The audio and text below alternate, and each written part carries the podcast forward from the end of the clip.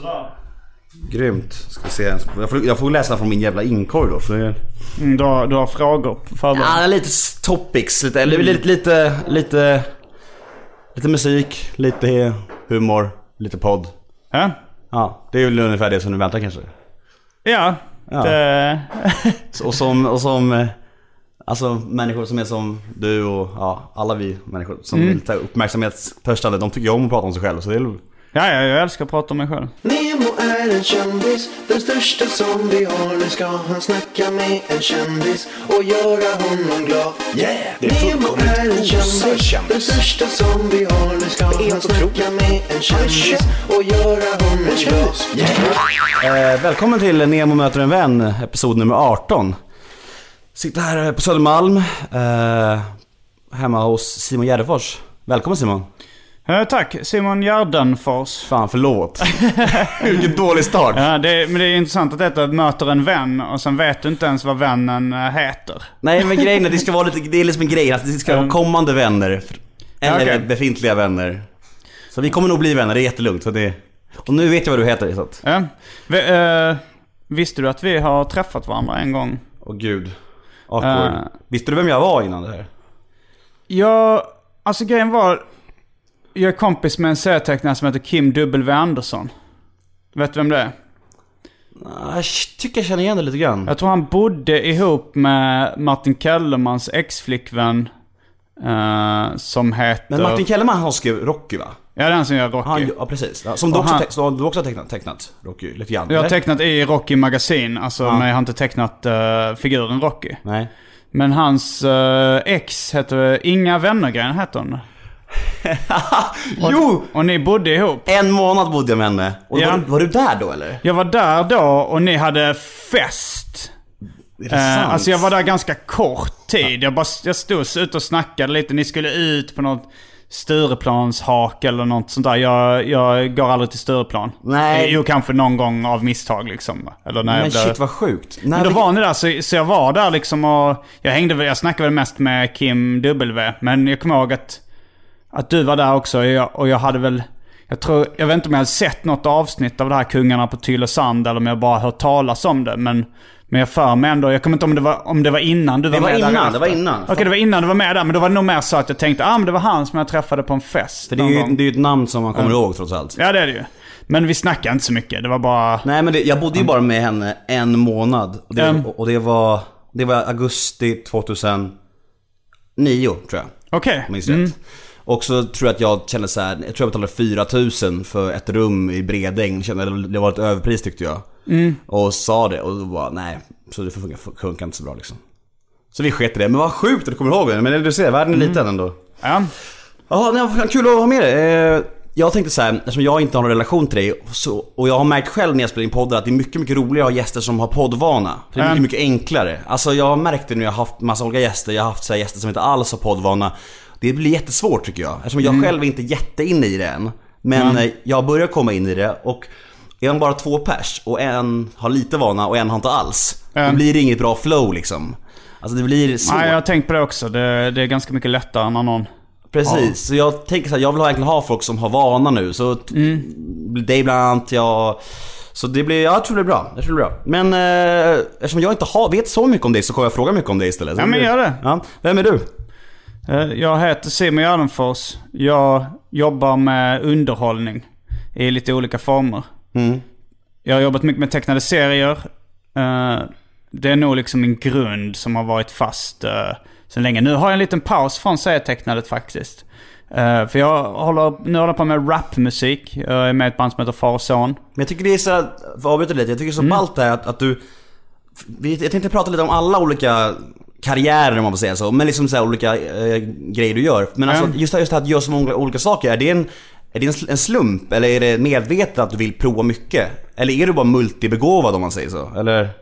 Alltså ganska mycket så är det att jag inte kan låta bli för att jag tycker saker verkar roliga. Det är snarare så att jag får hålla mig från att inte göra ännu mer grejer. Alltså om jag, om jag eh, tänker så här, fan det verkar vara roligt att börja åka skateboard.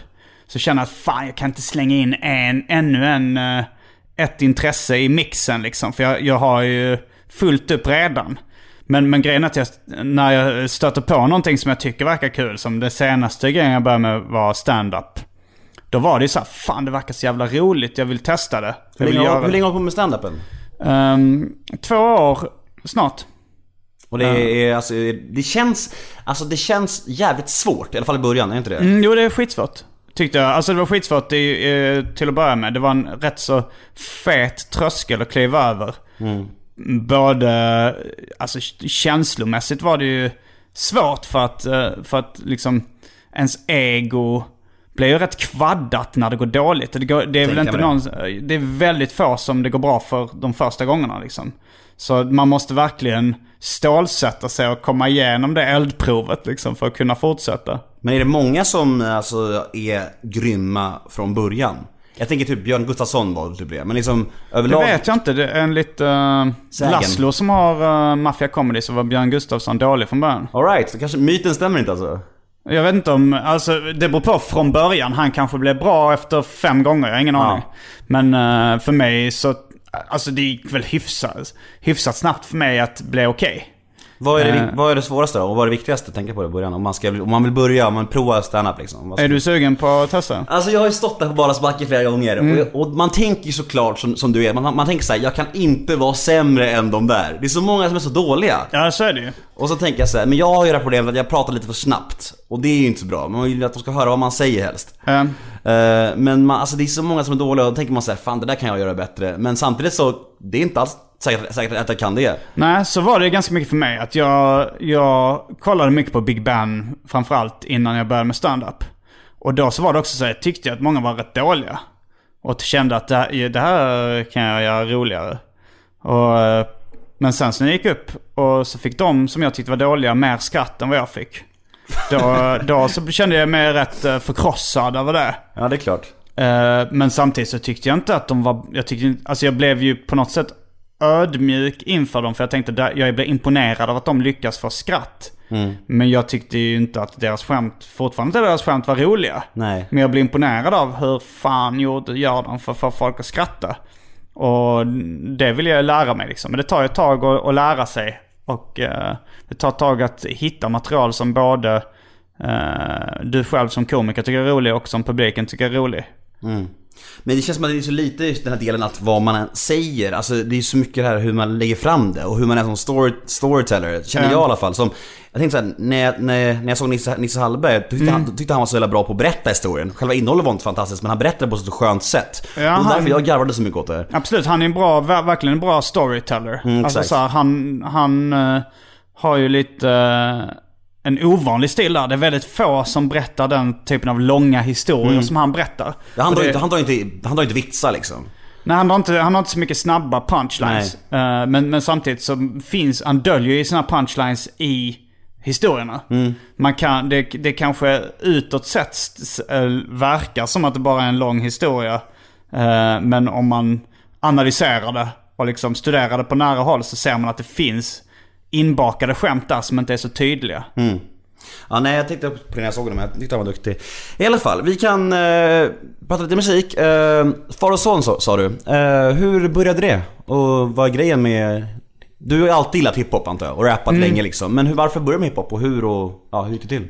Ja, jag började med... Jag började lyssna på hiphop redan när jag var liten. Liksom, som, eh, det, det var den första breakdance-vågen på 80-talet till och med som jag hakade på. Och började breaka som sexåring. Till Run DMC och så. Ja, det, var, det, var nog i, det var faktiskt innan jag hade hört Run DMC. Då Right. var det... De som jag kommer ihåg, artisterna som var då var typ Sugar Hill Gang och uh, Rocksteady Crew och sådana. Ja. Liksom. Eh, Det kommer jag ihåg att, eller jag för med det. Men det var liksom, jag visste inte vad de hette artisterna. Jag, jag kallade det bara breakdance-musik då. Men sen, sen ly- har jag lyssnat på hiphop från och till och på gymnasiet så började jag rappa i ett, eh, ett band som heter Time. Som var så inspirerat av The Roots. Så det var riktiga instrument med också. Men det var, fan, det var också för att det inte fanns så mycket utrustning. Det var inte så lätt att få tag på liksom sån utrustning. Och sen eh, i, när jag var 20-årsåldern så startade jag och en kompis ett band som heter Las Palmas. En Men de har jag hört talas om. Och det var väl genom... Det var då vi fick någon form av liksom fanbase. Och eh, fick eh, spelningar och sådär. Och vi var, jag var rätt aktiv på WoW som var ett uh, hiphop community. Minns jag. Och det var där eh, jag och Frej kom i kontakt för första gången. Som nu är andra halvan av Far och Son. Och sen träffades vi på en festival och sen eh, hängde vi lite i Malmö och spelade in eh, rap. Right, men hur, eh, jag har alltid varit nyfiken på Frey. Som, alltså eftersom att han verkar så jävla fucked up. Är, Ja. han, är han lika fucked up privat som han, som han verkar på? Alltså, Frej han... Jag har försökt få med honom i min podcast flera gånger. Eh, men han vill inte. Han är inte... Han är inte... Han verkar inte gilla podcastformatet speciellt mycket. Nej. Och plus att han har bett mig väldigt många gånger så här, men eh, prata inte om mig i din podcast. Okej. Så jag antar att det gäller även för andra podcasts. Ja, jag fattar det, jag fattar det. Ja, men man blir ju nyfiken. Men det kanske, är, det kanske är för, för att behålla musiken lite också. Mystiken, kanske det. Ja. Vet du det, jo men ni hade ju en superbrottarhit i somras. Ja. Och eh, grattis till det för övrigt. Det är ju Tackar, det fan tackar. få förunnat att ha det. Ja, fan i dagens hårda klimat i musikvärlden. Mr Dubbel Margarita, han pissar på singelmingel Vill ha dubbel trubbel, glas som Bukake som Astrid Lindgren Mr Dubbel Margarita, han borde haft flera händer Dricker drinkar, äter pizza, high-fivar med sina vänner Din Margarita, bara din Margarita Står här vid din dörr, kär som aldrig förr Margarita, bara din Margarita, bara din Margarita Får jag bara slice, vill jag ha en till Margarita Dubbel Margarita, kan du visa hur man släpper taget om sitt tråkiga liv? Ja, jag är jävligt trött på att bara gå och trivas Jag vill bara plötsligt att hela mitt liv pikar Rummet snurrar runt som om jag vore en ballerina Han för och jag följer Mr Dubbel Margarita När vi ska beställa hör vi hela festen skrika Ey Margarita Double margarita, Mr. Double margarita, double margarita, Mr. Double margarita, double margarita, Mr. Double margarita, Ey Margarita da por Margarita, esta da por Margarita, da por Margarita, esta da por Margarita, da por Margarita, esta da por Margarita. Eh, Margarita!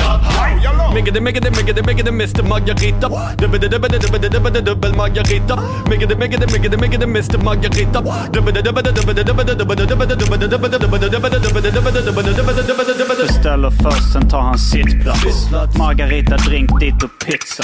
Beställer först, sen tar han sittplats. Margarita, drink, dit och pizza. Mr Dubbel Margarita har en lycklig min. Han njuter rakt av, inget hyckleri. Han maximerar livet med små enkla medel. Hans liv får mig att ifrågasätta mitt eget. Han sa mår du inte bra, jag vet vad som kan vara felet. Svep en Margarita och sen en i andra benet. Hjälper dig mot värk och den hjälper dig mot stället. Drinken ska vara iskall, pizzan ska vara steket. Jag vill bli som du, Mr Dubbel Margarita. Varför krångla till med alla val och alla bitar? Kom och ge mig livets medicin som farmacia. Ey Margarita Double margarita, Mr. Double margarita, double margarita, Mr. Double margarita, double margarita, Mr. Double margarita. Hur är det då? Hur förhåller man sig till sin egen, alltså om man har en sån här stor sommarhit, blir det så att man efter att man försöker skriva en till hit medvetet, alltså alltså man tänker så här, det här måste bli hitmaterial eller för att man är så himla, för att man har haft en så stor hit? Eller blir det att man bara liksom, liksom, Du tänker på Dubbel Margarita inte? ja precis. Eh, ja, det, vi, vi släppte en singel efter det som uh, Nattlivspussel som också spelas mycket bra. Say hello to a new era of mental health care. Cerebral is here to help you achieve your mental wellness goals with professional therapy and medication management support. 100% online. You'll experience the all new Cerebral Way, an innovative approach to mental wellness designed around you. You'll get a personalized treatment plan from a therapist, prescriber, or both in a safe and judgment free space. Your cerebral therapist or prescriber will outline a customized plan with clear milestones along the way so you can get to feeling your best. With Cerebral, you're not alone in your mental health journey. We're here to empower you to live a fulfilling life. So take that first step towards a brighter future and sign up today at cerebral.com slash podcast and use code ACAST to get 15% off your first month. Offer only valid on monthly plans. Other exclusions may apply. Offer ends July 31st, 2024. See site for details. radio blev liksom... Och det hamnade etta på studentradiolistan och sådär. Så att det var någon form av hit blev det ju. Och vi har spelat in nya låtar men... Ja, alltså det... Jag har ingen aning om hur de kommer tas emot. Men eh, någon av de eh, nyaste vi gjorde kändes, känns jävligt hittig. Så... eh, Man hoppas ju på det. Men samtidigt, jag är inte beroende av en ny hit egentligen. Nej. Jag har, jag har så många strängar på min lyra så att Det är det som säga. var så jävla skönt att ha så många olika grejer. Så att blir det en hit så kul. Blir det inte en hit så då kör jag vidare som vanligt. Jag, har ju, jag har ju levt, jag är 36 år idag så jag har levt eh, väldigt länge utan en stor hit. Och livet efter den stora hiten har inte förändrats så jättemycket. Nej. Uh, I och för sig, vi hade någon eh, hit med Las Palmas, Missbruk beivras. Okej. Som var, det blev något av en så kallad sleeper hit. Att den liksom, för vi släppte inte den på storbolag eller något sånt där. Så den liksom Mm. långsamt bara växte tills de flesta ha, hade hört den liksom. Mm. Som gillar den typen av musik. Men vad, vad, vad är roligast då? Vad föredrar du? Och du måste välja någonting som du ska syssla med mycket liksom. Är det att teckna eller rappa eller stand-up, stand-uppa eller? Just nu så är stand-up... Jag vet inte om det beror mycket på nyhetens behag. Men det är nog det som jag gillar bäst just för tillfället. Det tycker jag är svinkul. Både uppträda och liksom gå igenom mina skämt och allt sånt där. Går det, går det bra då, stand-upen? Ja, det har fan börjat gå bra på sista tiden. Jag har headlinat ganska stora ställen liksom. Och... Får du, får du pröjsen? Ja, absolut. Ja, grymt. Det är Ja, väl en ganska tack. så här breaking point lite grann i stand-up. Jag Jo. känner så mycket gratis eh, klubbar så här. Jo, jag fick mitt första betalgig. eh, Det var efter kanske tre månader eller något sånt där. Och sen så har det blivit mer och mer. Så nu så, nu får jag mycket betalgig liksom. Ja, cool. Eh, poddar då? Eh, vilka, vilka poddar lyssnar på? Och vad tycker du gör en bra podd liksom? Den första podden jag lyssnade mycket på var uh, Smodcast av, eh, som är Kevin Smith. Vet du vem det är? Ja, jag känner igen Kevin Smith. Men jag, du, du, jag, jag tänker bara på alla Kevin James tänker jag på. Ah, nej, Kevin Smith han var en filmregissör som eh, kanske mest är känd för filmen Clerks. Men Ja. har, har så här, Jay och Silent Bob är hans liksom, återkommande karaktärer. Men han, han började med en, en podcast som jag började lyssna på, en amerikansk. eh, den, den jag lyssnat på liksom hundratals avsnitt av. Och sen började han göra massa olika andra podcasts. Eh, så den är nog den. Men just nu, för tillfället lyssnar jag på... Vad blir det för rap? Den här hiphop-podden. Vad fan är det för någonting? Jag Det, det är en podd om uh, hiphop. Det, Fan vad cool. ja, det, det är jävligt... Uh, det upptäcker det- mycket ny musik genom den. Är det svensk? Nej. Ja, det är en svensk. Jaha, cool. Vilka som håller den? Eh, det, jag, jag har stött på någon av dem i utelivet men det är inga, verkligen inga jag känner. Det är någon Right. tjej som heter Sanna och eh, två killar som heter... eh, jag har glömt vad de heter. Petter heter nog en av dem. Ja, det är han kunde jag så klart. Det är han. Nej men jag tror de har typ en blogg på Nöjesguiden och sådär. Och de, Okej. de, eh, men de, de är väldigt, eh, de liksom vaskar fram rätt mycket eh, bra musik. Mm. Så den lyssnar jag på. P3 Dokumentär lyssnar jag på. Det vet jag inte om det räknas som en podcast eftersom den släpps i radioformat först. Men jag lyssnar på den som podcast. Ja, jo men det är ju också. Det, det, är ju- det är ju... Ja, de är ju hur bra som helst. Mm. Fan vad man lär sig mycket där alltså. Ja det är grymt. Och Serial, vet du vilken podd det är? Nej, du får lära mig här mycket Ja, alltså. Jag. Det är en amerikansk podcast av eh, gänget bakom This American Life. Okej. Som var, det, var- det var liksom en så, eh, de gick igenom ett brottsfall, ett mord liksom. eh, Som en vecka ut och vecka in. Och det var så spännande så jag liksom längtade tills torsdagen när de skulle släppa ett nytt... eh, Det här har jag hört talas om när du pratar om det. Var, var, det, var det en tjejreporter? Var det? Ja, ja precis. Kvinnlig Ja. reporter. Det var det. Och nu så har de eh, gjort klart första säsongen. Okej. Så nu liksom, men som metadon för det så har jag börjat lyssna på en podcast som heter Sword and the Scale. Som är det också tar upp brottsfall. Fast det är inte på samma sätt att det är liksom samma fall vecka ut och vecka in. Nej. Utan det är mer, eh, nu hörde jag ett specialavsnitt av, om psykopater. Som var ganska intressant men inte riktigt lika proffsigt gjort som, som Serial. Så Men den lyssnar på. Du hör inte på de här, någon av de här alltså, svenska, de som du... Du hör aldrig på de du medverkar i, gör du? Lyssnar du på de du brukar gästa och så här, typ, alla mina kamrater, när, när du är med där? Lyssnar du om det och ser det här var ju bra? Eller till Ja, jag brukar lyssna på, när jag har varit med brukar jag lyssna. Men jag, jag har lyssnat ganska många avsnitt av alla mina kamrater. Och ganska många, av, eller väl, många avsnitt av uh, TS Knas. Och Filip och Fredrik var ju tidiga. Det lyssnade jag på i början, för länge sedan. Eh, En del. Och uh, Värvet när det är någon gäst jag är intresserad av. Jag lys- eh, I början lyssnade jag på alla Värvet-avsnitt. Men nu så eh, gör jag det bara när det är någon gäst jag är intresserad av. Och samma sak med amerikanska intervjupoddar som WTF och Nerdist.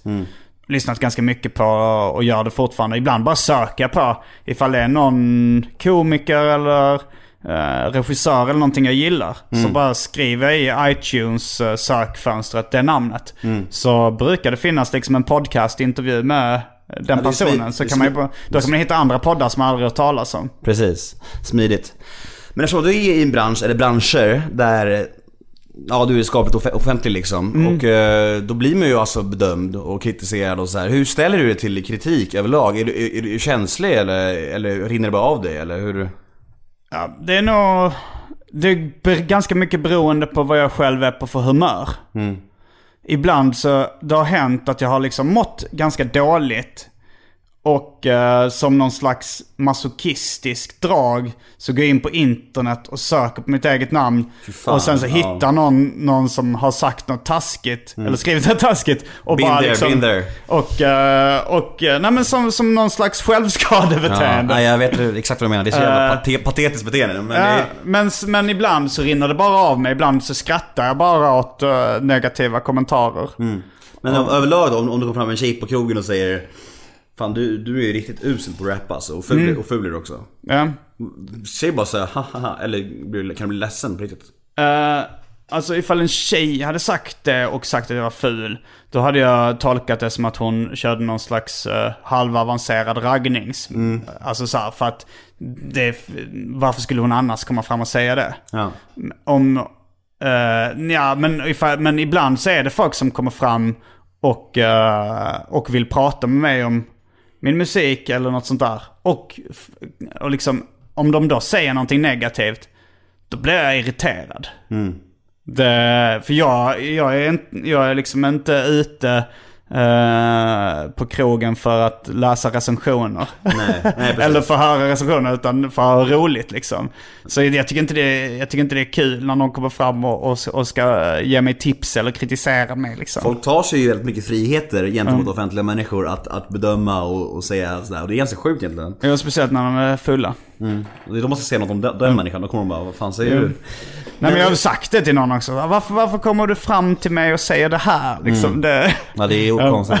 Men hur trivs du annars med att vara en offentlig människa liksom? Tycker du det är kul Ja, att, vara, ja. vara lite känd eller, eller tycker du, skulle du vilja vara kändare eller? Det blev lite som en drog på något sätt. Att jag gillar ju, jag gillar att vara känd. Eh, Eller ja, på den nivån jag är nu liksom. Jag eh, blir inte igenkänd varje dag. Nej. Men... eh, Det händer. Ja, var, var, var varannan dag ska jag säga att, att jag... Antingen någon eh, stoppar mig eller liksom ger mig en blick som säger att jag känner igen dig. Och ler liksom. Det är intressant det där som du säger att det är som en drog. För det, jag, jag kommer alltså skrev en lång text om just det, hur, hur, hur det funkar. Att kändisskapen är värsta drogen jag har provat. Ja. Det blir väldigt så, om man har varit känd om man säger så, som jag var ett typexempel, 50 minutes of fame, när man är ett väldigt intensivt känd ett tag och det dalar. Då blir det så att man Alltså jag kan verkligen förstå människor som, jag tror det var Robinson-Robban som fejkade en våldtäkt för, för att han, och, och, och spelade hjälte för att, han, för att han ville få löpsedel. Men har du varit väldigt känd och det dalar, då, då växer din frustration och du sa, jag kan, jag, alltså jag kan göra samma sak, men jag kan se varför han gjorde det. Jo, jo. Det, Det är blir ju någon slags uh, heroinliknande. Att man vill verkligen. tillbaks till jungfrusilen. Exakt. Nej men så är det ju liksom. Att jag, jag kände, jag har alltid eh, sagt så här, men jag är nöjd på den nivån det är nu liksom. Mm. För jag känner mig nöjd, men, men sen så märker jag ändå att jag strävar efter hela tiden att få lite mer uppmärksamhet, bli lite Mm. mer känd.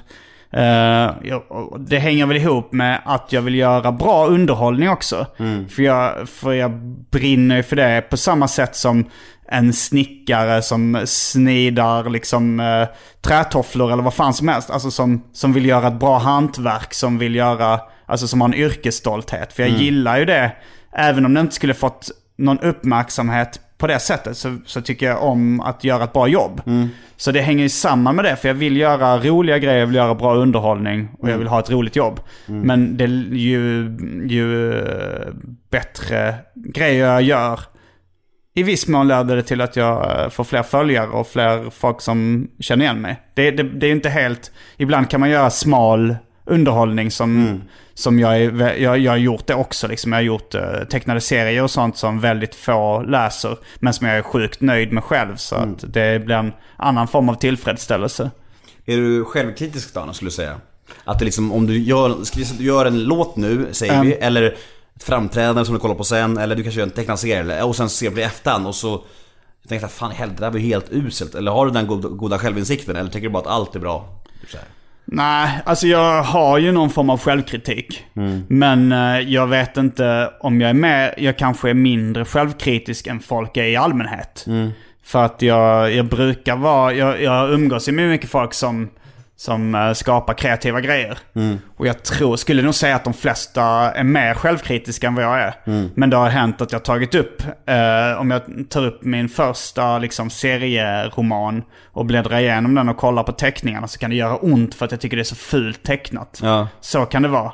Och ibland när jag hör något skämt jag har dragit eller någon rad kan jag också få lite skamsköljningar och tänka shit det där skulle jag inte ha gjort. Det var Nej. inte bra. Och, och, liksom, och det, det är också väldigt beroende på humör. Jag kan, jag kan pendla mellan självhat och hybris ganska snabbt upp och ner liksom. Jag tror också det är vanligt bland, bland folk som är lite så här i, i den branschen som du är. Det här med att pendla mellan storhetsvansinne och självförakt. Upp och Ja. Det här, är det, kallas det? Bipolär eller vad är det? Lite, Ja. lite manobeteende. Ja, det, det är väl mer när man känner sig glad och ledsen Ja, liksom. Men, men Mm. det hänger ju lite samman. Ja, ja, kanske det. Ehm, just det, lite mer om stand-up. Ehm, Alltså det finns så jävla mycket, alla vill ju vara eller försöka vara stand-up-komiker. Det finns så många gratisklubbar och jag tänker, jag tänker vem, om du ska säga de bästa, den bästa stand-upen och den mest överskattade stand-upen. Uh, alltså komikerna. Ja.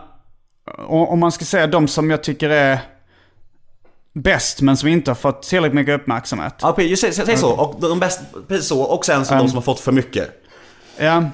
eh, jag gillar, vet du vem Lisa Eriksson är? Fan, nej det vet jag inte. Men nu måste kolla upp henne såklart. Ja, hon är grym. Eh, Albin Olsson. Det känner jag mer igen. eh, Petrina Karlsson. Johannes Finnlaugsson. Ja, men det känner jag också igen. Det är några som liksom kanske inte har otroligt många följare. Men, men, Men, är, men, men, som är men, grymma liksom. Right, coolt. Det är bara några exempel. Det, det, jag kan, eh, kan hålla på så här ganska länge. Men Anton Magnusson, min kollega inom specialisterna, svinrolig. Han har ju en following eh, som rappare under namnet Mr Cool.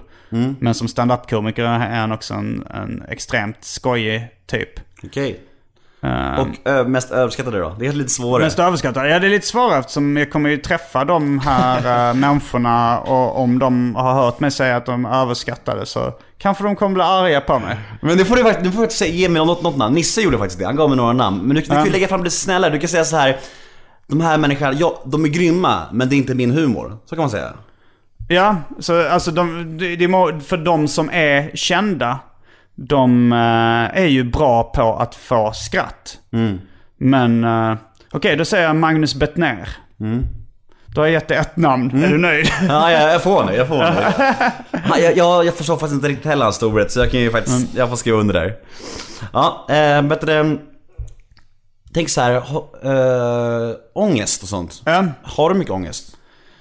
Jag har haft mycket ångest. Ja. F- Det var länge sedan jag hade mycket ångest. Eh, nu har jag haft en period när jag eh, har mått ganska bra länge liksom.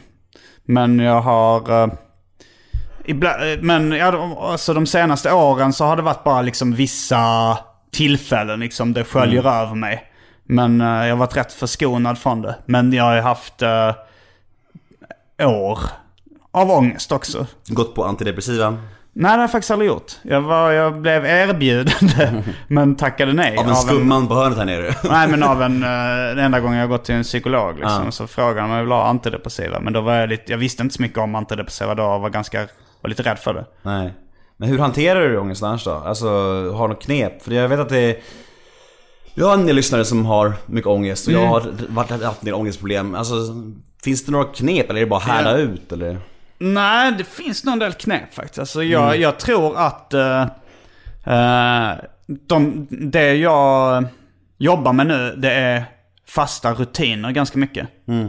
Att, uh, för om jag sitter inomhus för länge och, och inte gör någonting så, så mår jag dåligt. Men då går jag, jag jobbar mycket med promenader. Ja, du sa det nyss innan. Ja, för jag var ute, för jag hade suttit inomhus rätt länge nu och sen, sen gick jag ut lite för att om vi ska sitta här en timme och spela in så vill jag vara lite pigg i huvudet. Men jag, jag kan liksom börja få ganska mörka tankar inombords och sen så går jag en promenad på bara 10 minuter. Sen kommer jag till, tillbaks på topp. Fan, det låter ju sjukt effektivt. Ja, det är ett väldigt effektivt. Men det är bara att man ska göra det liksom. För att det är, om man känner sig seg så kanske man inte känner för att gå ut. Men, men jag schemalägger till och med, speciellt när jag tecknar serier och sådär, för det är ganska stillasittande inomhusjobb. Då schemalade jag det så att liksom varannan timme gick jag ut på en liten, kanske bara gick till affären och köpte en läsk eller bara tog en promenad runt kvarteret. Så jag kunde fortsätta. Men också... Jag är kompis med en, eh, en tjej som då är bipolär. Vi umgås inte så mycket längre men, men eh, hon... När hon måste man medicinera det? Är det så? Eller hur funkar det? Man- Ja, hon medicinerade jag tror jag med litium. Ja. Men, men eh, det som, eh, de, det första de sa till henne var liksom skaffa strikta rutiner. Och när hon gjorde det så mådde hon väldigt mycket bättre och sa det, det kändes som att träffa Gud när hon började med rutiner. Och då testade jag det också för jag mådde väl, jag var inte bipolär. träffa, Gud? Nej, nej, nej, alltså jag, jag, jag är ganska eh, aktiv motståndare mot religion faktiskt. Right, ja. Men, men det var ju en metafor för att ens liv förändras på ett, eh, på ett dramatiskt sätt. Nej men så jag, mm, jag, det var ett tag jag började med fasta rutiner. Alltså gå upp en viss tid på morgonen, ta en kopp kaffe, ett visst klockslag, gå en promenad ett visst klockslag. Att, så att, allt, att göra allting. Nu bryter jag väl lite mot det då och då, men, jag, men det, är, det är ett bra tips mot ångest. Alltså det, det är jävligt bra. Och sen, jag jobbar så jävla mycket. Alltså det, det tror jag är lite kanske för att stävja eh, jobbiga eh, känslor och tankar också. För att om jag hela tiden är aktiv så har man inte, dels har man inte tid att tänka på det, men sen också känner mig mer nöjd med mig själv när jag hela tiden jobbar liksom. Precis. Men, men det är ju lite dubbelsidigt för att samtidigt då så kan jag ha lite problem med att eh, bara slappna av eller bara ha ren fritid. Liksom. Det händer ju lite då och då men, men jag, jag har inte ett helt avslappnat förhållande till det här med jobb och fritid. Nej. Men jag tror det, jag tror om självkänslan mår bättre så mår man bättre i skallen också liksom. Så Jo, så är det. Men jag, alltså jag har känt att jag har haft lite problem med ångest som kommer. Men så jag började, så jag började ta upp min gamla hobby, ungdomsintresse, innebandyn. Så då är, det, då är det, varje gång jag har spelat innebandy och tagit slut med mig själv fysiskt och jag går från innebandyn, just då mår jag bättre än vad jag någonsin gör. Så jag tror att det jag tror att man måste liksom, ja som du säger, rutiner och, och få och göra grejer och göra grejer som man känner att man gör något nyttigt. Och fysiska grejer är ju en klassisk uh, jag tror det var, jag tror, jag, också. Precis, jag tror det var en klyscha innan men det stämde faktiskt. Så det, det har faktiskt funkat bra. Men okej, ja, du är 36 är du. 36 Har och ett halvt. Har du åldersnoja? Nej, inte nu längre. Jag hade någon form av, eh, alltså innan jag skulle fylla 30 hade jag någon sorts kris. Ja. Eh, kanske inte en jättefarlig kris, men det var, jag hade fått för mig att man var tvungen att stadga sig, bruka allvar. Att, man, att jag inte kunde leva som jag gjorde innan. För att det skulle ses som patetiskt. Men sen så insåg jag att jag behöver inte bry mig så jättemycket om vad andra tycker är patetiskt. Det är just det, man behöver faktiskt inte göra det. Nej. Man tror att man verkligen måste, ja för jag är ju ungefär där du, där du pratar om. Jag, jag fyller ju 28 i, augusti och jag tänker ju lite som du beskriver. Jag har ju ett panik, jag känner att jag måste liksom, man måste verkligen ha någon slags karriär och vara så lyckad. Men, men sanningen är egentligen att man behöver inte vara så jävla lyckad eller man behöver inte ha barn, eller man kan faktiskt bara göra det som man själv mår bra av och tycker är kul, så länge det funkar liksom. Och, så Absolut. länge, och så länge folk i ens omgivning faktiskt mår bra av det också, då behöver man inte vara som alla tycker man ska vara. Nej, så är det ju. Det är, ju- det är kanske trist om man, om man sårar eh, sig själv eller andra jättemycket. Precis, men annars precis. man... Men så länge, men som jag säger, så länge man själv mår bra av det och i folkets närhet så, så behöver man faktiskt inte vara en civilingenjör liksom. Nej. Nej. Men du har ingen flickvän? Uh, nej, alltså just nu så har jag väl så här ganska... Det har varit, det har varit eh, lite... mm, Alltså så här turbulent kärleksliv kan man väl säga. Alright. Och, eh, och då så tycker jag lite... Man, man kan paja lite och berätta att, att säga bu eller bä i olika podcasts. Ja. Jag, Hemlig du är? jag, jag, jag, tänker på komikern Mitch Hedberg som, som är en av hans one-liners är Jag har ingen flickvän. Jag har bara någon som skulle bli väldigt sur av att höra mig säga det här. Men det är nog ganska bra. Um, det, det är en intressant tanke. Men jag säger inte att det är så just nu. Men, men liksom, jag, jag har, är ändå i eh, en situation där, där jag nog känner för att hålla käften så mycket som möjligt om det i offentliga sammanhang. Du vill hålla alla dörrar öppna. Eller stängda. Eller stängda. Något av det. precis. Men vill du ha, vill du ha barn? Så. Jag vet inte, just nu så är nog... ett- se, min senaste tanke, eh, det är att uh, skaffa barn eh, 45-50. Och nu så... Ja. Ja, då så.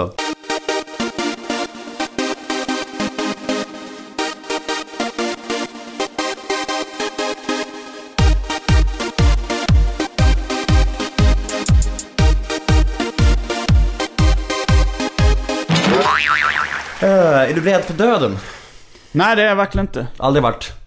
Nej, jag tror säkert att jag skulle få en, någon form av döds... Alltså så här, en spontan dödsångest ifall jag hade en pistol riktat mot huvudet eller om jag liksom... Eller om jag sjuk, står... kanske. Ja, eller, eller ja, om, om, om döden är nära så skulle jag nog vara rädd för den liksom. Mm. Alltså så här rent...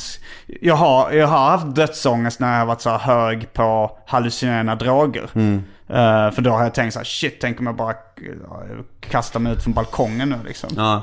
Och då, då har jag fått en, en riktig dödsångest. Mm. Men till vardags så, så har jag inte det. Nej. Verkligen inte. Alltså jag, jag, jag har verkligen förlikat mig med att, att jag ska dö. Och, Det var någon eh, som sa någonting så jävla bra om det där. Jag har ju varit rätt ganska rädd för döden men så läste jag någonting om det. Då sa, då, vem fan var det som sa det? Det var någon klok människa i alla fall. Han sa att Alltså tänk på hur du, hur du mådde eller vad du tänkte innan du levde. Det, då kände man, mådde man ju inte alls. Vad är du egentligen rädd för? Det är liksom, det, innan man levde så var man ju inte, det var ju inte obehagligt. Så man, man tänkte ingenting, då var det ingenting. Så liksom, då, vad är du då rädd för egentligen? Jag tänkte, ja, det kanske- Nej men samtidigt så har jag, alltså jag har haft perioder när jag mått så dåligt så jag verkligen har velat dö. Och då har jag mer haft en dödslängtan än, äh, än en, äh, en rädsla för döden. Och jag tror lite det har färgat mig också så att, äh, alltså jag, är- jag är rädd för att ligga och tyna bort i cancer i fem år liksom. Det är jag mycket mer rädd för. Men jag är inte rädd för att bara pang, där kom en buss och körde på mig bakifrån. Nu är jag död. Eh, för då, då så är det inte så mycket lidande inblandat liksom. Jag är rädd för lidande, men jag är inte rädd för, för döden. Och, och sen så tror jag jag är färgad av det här att liksom, att någon gång ha, att ha tänkt så här, fan vad skönt det skulle vara att vara död. Och det har jag kvar lite så att om, jag, om det kommer en situation och tänker om jag kommer dö där så tänker jag, ja men något sätt måste man dö för på. Alltså, om det här flygplanet skulle störta nu så skulle det ändå vara ganska skönt. Eh, för då slipper jag dö på något jobbigt sätt senare. Precis. Eh, och, men, men samtidigt så jag hade... Nu känns det jag har gjort så jävla mycket också. Alltså så här, av någon jävla anledning känns det lättare att... eh, att eh, det skulle kännas lättare att dö då. Men jag kommer ihåg när min... När jag hade tecknat klart min andra bok som heter Lura mig. Och eh, den... Eller jag var nä- nästan klar med den. Och eh, då flög jag någon gång och tänkte så här, fan, alltså så kanske det blev lite turbulens på planet. Tänkte, fan jag vill inte dö nu. Jag har inte lämnat in boken till tryck. och det, det var liksom min första tanke, att jag ville verkligen göra klart den. För jag tyckte det, jag, jag var så jävla nöjd. Jag ville få klart den, jag ville få ut den liksom. Men nu har jag fått ut ganska mycket grejer. Så, eh, det, och av någon anledning så tycker jag det någon spelar någon roll. Det borde ju förmodligen så... eh, Så är det ju skitsamma när man är död i alla fall vad man så har det. gjort när man levde. Men... Men det skulle nog bli jävligt mycket kändare om du dog. Ja, jo, ja, det. Men det är svårt att njuta av Om, om också. du ville bli kändare som du sa förut tänkte jag. Men, Men eh, du sa, nämnde lite om hallucin, hallucinerande droger. Jag varit lite nyfiken. Alltså, om det är okej att prata om sånt här. Mm. Ja, men men eh, vad, din bästa re- respektive värsta drogupplevelse? Kan du dra lite snabbt bara? Om du, om du är Mm. Okej att prata om det. Ja, visst. Mm. Ehm, någon av de bästa dragupplevelserna jag haft var när jag var på en, en seriefestival i, i Italien. Utanför Rom i, jag tror det heter Fort Prenestino, som är en slags riddarborg. Eh, där det var, det var en, en eh, så lite underground-aktig seriefestival som de hade i en typ skottad riddarborg. Eh, och då hade de ett 3D-tema där. Så att det var mycket 3D-serier och man gick runt liksom i 3D 3D-glasögon. Och då så, då, jag och Frej var där, för jag, eftersom jag var serietecknare så, så blev jag bokad till den festivalen. Och de, visste, de hade googlat mig så de visste att jag hade ett band. Så jag och Frej blev bokade som far och son ehm, till den festivalen. Så där vi uppträdde liksom för italienare på, på svenska. Det var ju rätt roligt. Men då så också köpte vi uh, ketamin av någon snubbe där. Elefantbedövning? Eh, elefantbedövningsmedel. Och tog väldigt mycket. Och hamnade liksom i... Vad är effekten av det egentligen? Jag har aldrig tagit det Det är ganska hallucinogent. Ja. Eh, så då liksom hamnade man lite i en fantasivärld och sen gick man runt där i, med 3D-brillor i, eh, i liksom de här det gångarna i Riddarborgen och kollade på serier. Och, och så drack vi massa vin och sådär också. Och det, det, var, det var en jävligt, det var en drogupplevelse som jag minns som väldigt skojig. Äv- Alltså mina bästa drogupplevelser har jag nog haft på eh, på hallucinerande droger när jag har tagit en rimlig mängd. Jag kommer även ihåg när jag gått runt i, i Danmark liksom, och köpt svampar på Christiania. Och, och sett roliga färger och sånt där. Eh, och, jag, och jag får ingen speciellt jobbig avtändning på sånt heller. Eh, vilket, jag, vilket jag får på om jag tar liksom ecstasy eller MDMA eller chack eller kokain eller något sånt där. Då, då så har jag ändå i bakhuvudet, fan jag måste tända av på det här någon gång. Liksom. Det är Det är jobbigt. det man tänker oftast då. Så då, då kan jag inte riktigt njuta lika mycket av det. Nej. Men, eh, men de värsta upp- upplevelserna har jag också haft på hallucinerande droger. Jag Det är en tunn linje där. Jag har inte Ja. kört så mycket hallucinerande jag vet inte. Men det är väl en tunn linje där att man, det kan lätt bli för mycket. Lätt. Och lätt bli snett om man inte är i rätt sällskap eller rätt, uh, umge, alltså rätt Ja. ställe. Så det kan väl bli, berätta om, har du något riktigt otäckt att berätta om det? Ja, nej, men jag, har, jag har tagit för mycket svamp någon gång och jag har tagit för mycket... Vad händer då egentligen? eh, jag, fick, jag fick för mig att jag hade fastnat i den här trippen och att jag aldrig skulle komma ur den. Och att jag nu liksom, från och med nu, skulle vara psykiskt sjuk för resten av mitt liv. och fick liksom panik av det. Och, fick, och även trodde, kände att shit nu kanske jag kommer dö här dessutom. För att dels så kände jag att jag sögs lite mot balkongen. Jag var på liksom, jag var kanske inte så jättehögt upp då. Jag, eh, det var någon gång i Amsterdam. Och dels så kände jag att he- hela min moraliska värdegrund, äh, hela, hela min värdegrund hade luckrats upp så mycket så att döden spelar inte så stor roll för mig längre. Jag bara, jag bara kände någon förnimmelse av att fan, folk kommer ju bli ledsna om jag dör. Betyder, det, betyder det någonting att folk är ledsna? Vad, eh, Alltså så här, jag, mi- hela mitt känsloliv ruckades. Så, men jag, ibland fick jag sån panik så att shit, jag kan inte ha den här när jag tar döden, liv och död på så lite allvar samtidigt som jag liksom hallucinerar och, och, kan, och är uppe på en balkong. Så fick, fick liksom, då fick jag dödsångest och panikkänslor och, och eh, mardrömsupplevelser av det. Det var fruktansvärt. Ja, jag tänker på det. Eh, Varför jag frågar lite om, om eh, droger, det är för att jag, jag har en, en, en, en, gammal polare som, vi var ganska bra polare för några år sedan, men vi slutade umgås för typ ett år sedan för att han han började hålla på med lite tyngre droger.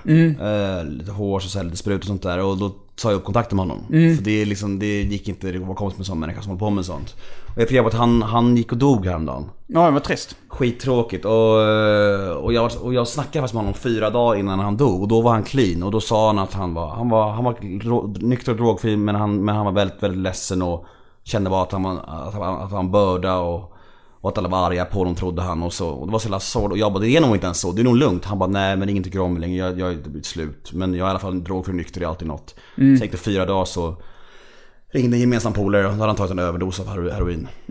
Det går, och det, och det grejen var att som sagt, fyra dagar innan så snackade vi och då var han, då var han ändå nykter och drogfri liksom. Och, och då, då, tro, då känner man ändå att det, det är lugnt, det är lugnt. Han är, han är lugn nu. Men så går det så snabbt liksom. Att han bara... Det skulle kunna vara, alltså jag, jag tänker det ofta att, att överdos kan ju vara liksom en planerad överdos, att det är en självmord. Att man, det är nog det lättaste sättet att ta och begå självmord om man nu känner att man har pajat allting. Så, så kanske det är det, så att det är medvetet. Men det kan Precis. också bara vara ett misstag att man tar en överdos. Precis, och, och just, jag, jag tänker på det här med sprutor också. Som, för att det blir så lätt så att när man, när man kör sprutor då, då blir det som att då, då smäller man hellre i sig något som man inte har någon aning om vad det är.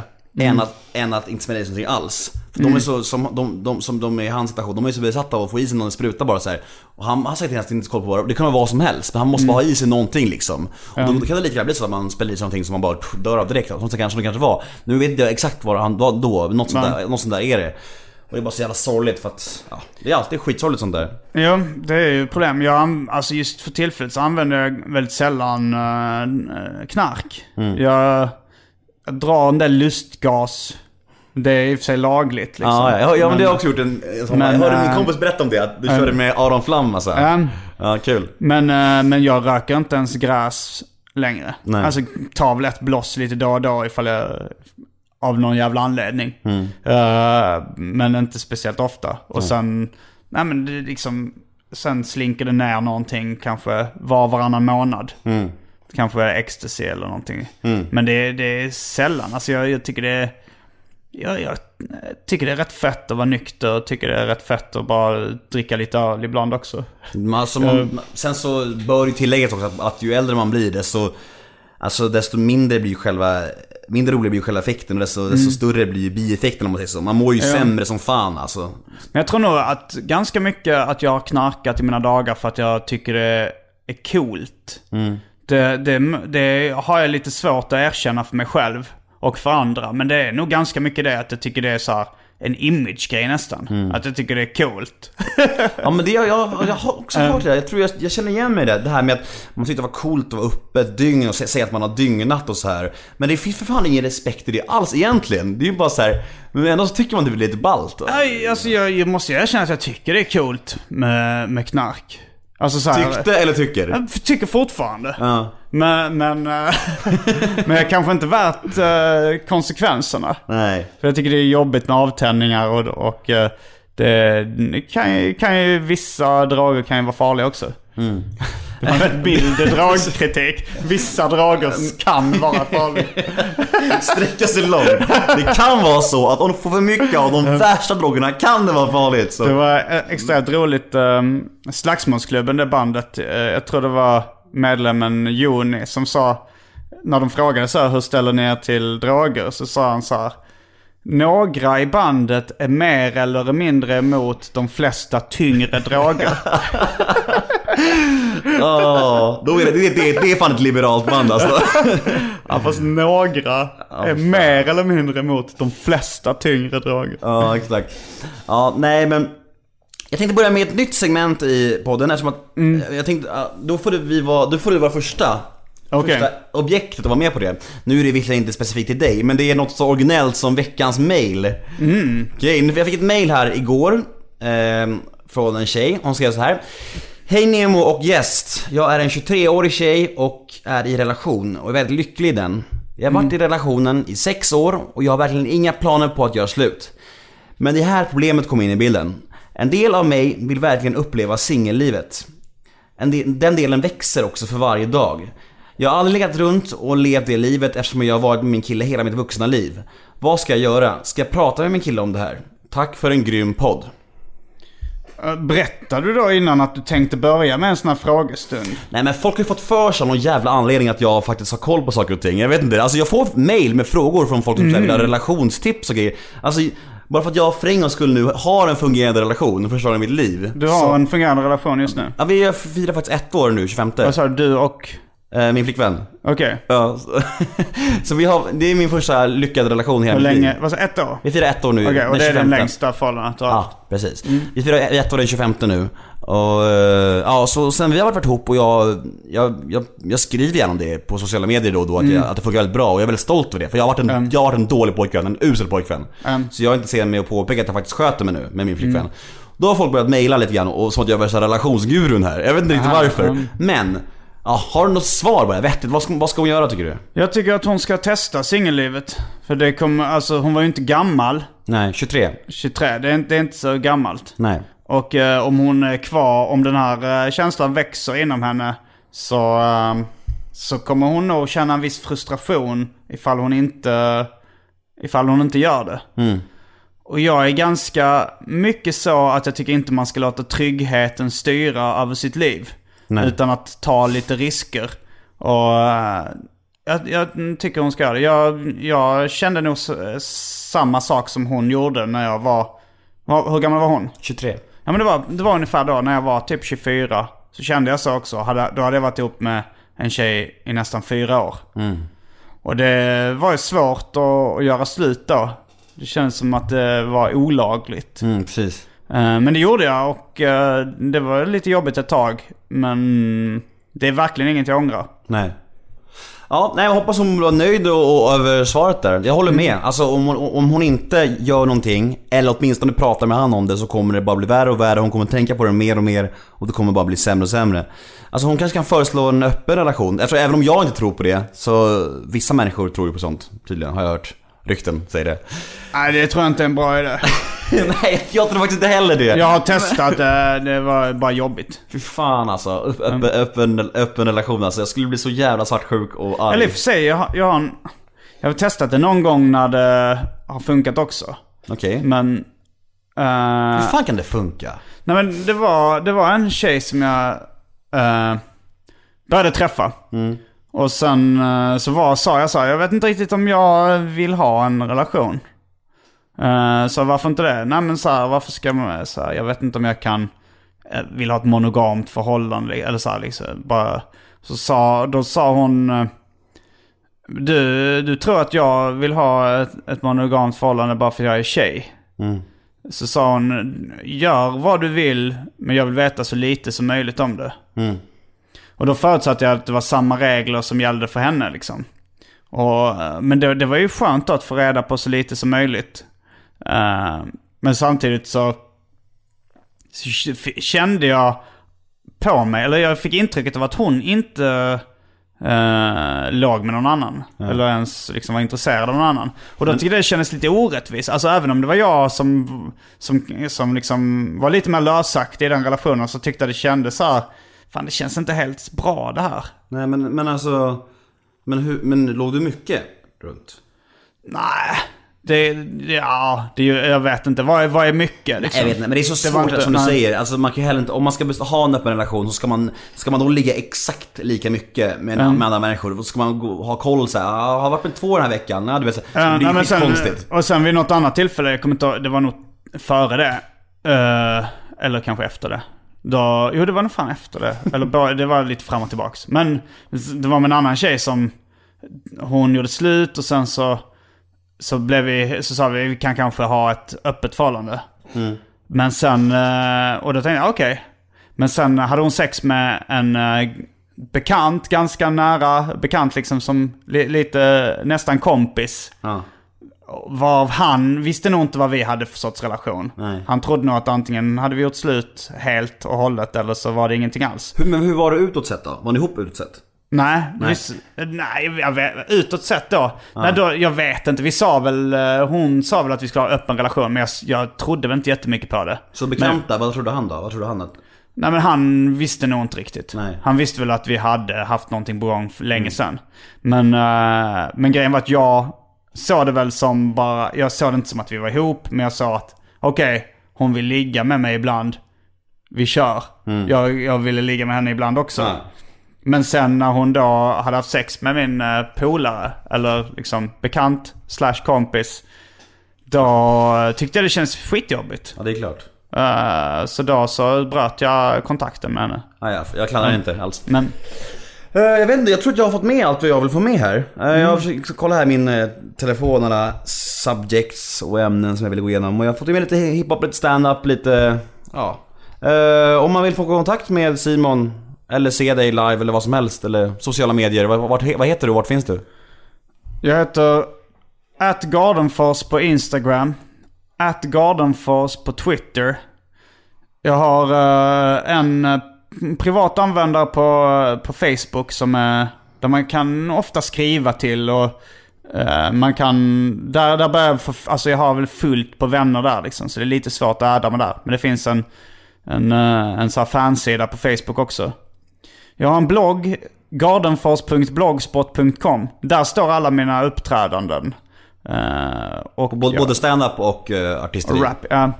Och sen har jag en podcast som heter Arkivsamtal. Som finns där podcasts finns. Grymt ju. Och i senaste episoden så tar Simon och Aron, fram lust, Aron Flam lustgas. Ja, det har, det har faktiskt släppts ett avsnitt efter det. Alright, alright. Ja, coolt. Ehm, tack som fan för att du var med. Ja, tack själv. Jag heter Nemo Hedén och hashtaggen är NEMOMÖTER och vi hörs nästa vecka. Puss hej! Hej då. Nemo är en kändis, den största som vi har. Nu ska han snacka med en kändis och göra honom glad.